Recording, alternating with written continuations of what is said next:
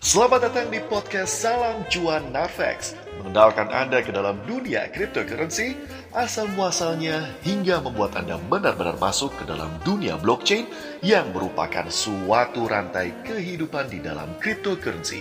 Bersama host Anda, Gusti.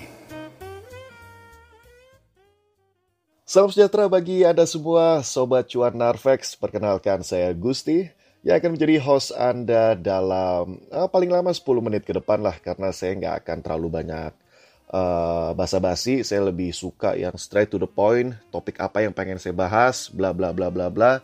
Ya tentunya itu akan berada di sekitaran cryptocurrency ya. Mungkin uh, para sobat cuan Arvex uh, masih bingung apa sih cryptocurrency, uang digital, Bitcoin, blockchain itu apa sih? Uh, sebelum saya bahas lebih dalam, lebih baik saya throwback dulu. Uh, ke masa lalu dahulu kala ketika uang itu belum ada apa sih yang kita lakukan? Mungkin bagian dari uh, para sobat cuan Narvex juga pada tahu uh, kita menggunakan sistem barter. Awal dilakukan transaksi perdagangan di tahun sebelum masehi adalah dengan barter barang dengan barang. Namun merepotkan karena harus mencari orang yang sama-sama butuh dengan barang yang akan ditukarkan. Lalu, lama-kelamaan, transaksi perdagangan bertransformasi menjadikan barang yang ingin dibeli itu dengan replika logam mulia. Lalu bertransformasi lagi menjadi uang logam yang kali ini beneran dicampur dengan uh, emas atau perak. Namun uh, lama-kelamaan transaksi tersebut tidak dapat bertahan lama karena jika transaksinya besar, mereka harus menyiapkan uang logam yang banyak dan itu berat sekali gitu. Nah, yang menemukannya itu adalah bangsa Lydia pada tahun 650 sebelum Masehi.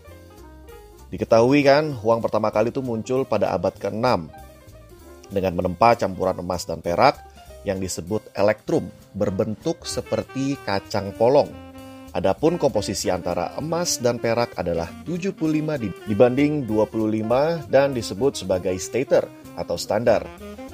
Nah, sekitar tahun 560 sampai 586 sebelum Masehi ada lagi nih sesosok manusia pada saat itu bernama Creusus menciptakan uang logam untuk digunakan oleh bangsa Yunani. Lagi-lagi nilai uang pada masa itu ditentukan oleh bahan pembuatnya. Nah, di tahun 100 Masehi ini dikenal barulah dikenal tuh uh, uang kertas yang diciptakan oleh orang Tiongkok pada masa dinasti Tang. Pembuatan uang kertas dilakukan karena pasokan logam mulia, yaitu emas dan perak, sebagai bahan baku uang pada saat itu sangat terbatas dan langka. Mungkin karena masih banyak perang zaman dulu, jadi uh, untuk bertransaksi besar pun menjadi resiko takutnya nanti dirampok atau gimana kan, gitu.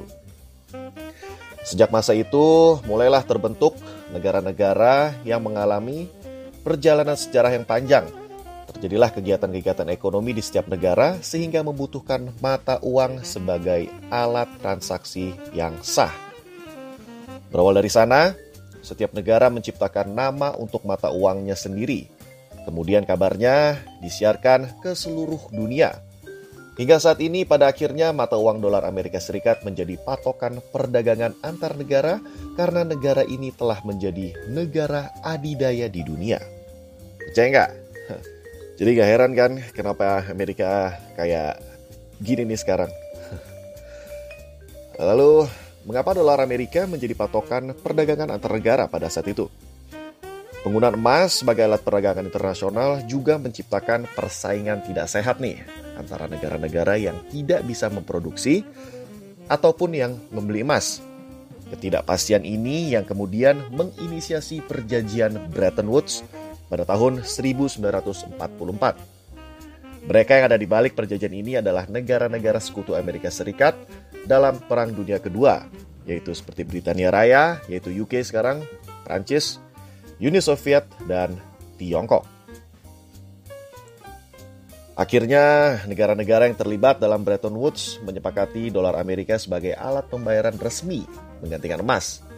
Efek samping dari perjanjian ini muncul nilai dolar menjadi lebih dominan dibandingkan mata uang lainnya.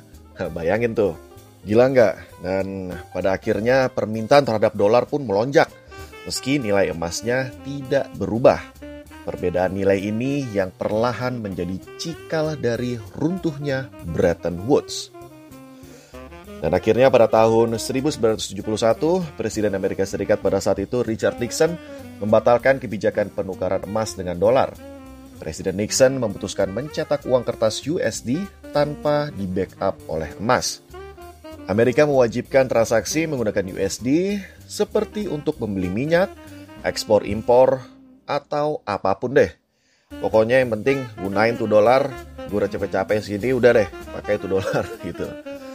Jadi, uang konvensional yang beredar sekarang tidak punya nilai intrinsik. Uang yang sekarang beredar tidak punya nilai intrinsik, hanya punya buying power. Apa perbedaannya?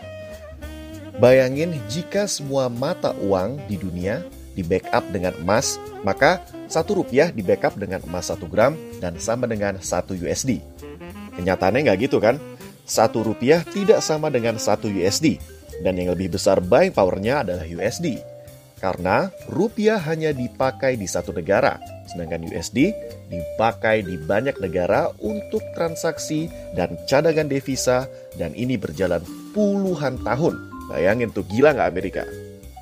Nah, kenapa Bitcoin akhirnya diciptakan? Nah, itu semua akan saya lanjutkan di podcast uh, episode 2. Uh, Oke, okay, saya Gusti. Sukses untuk Anda.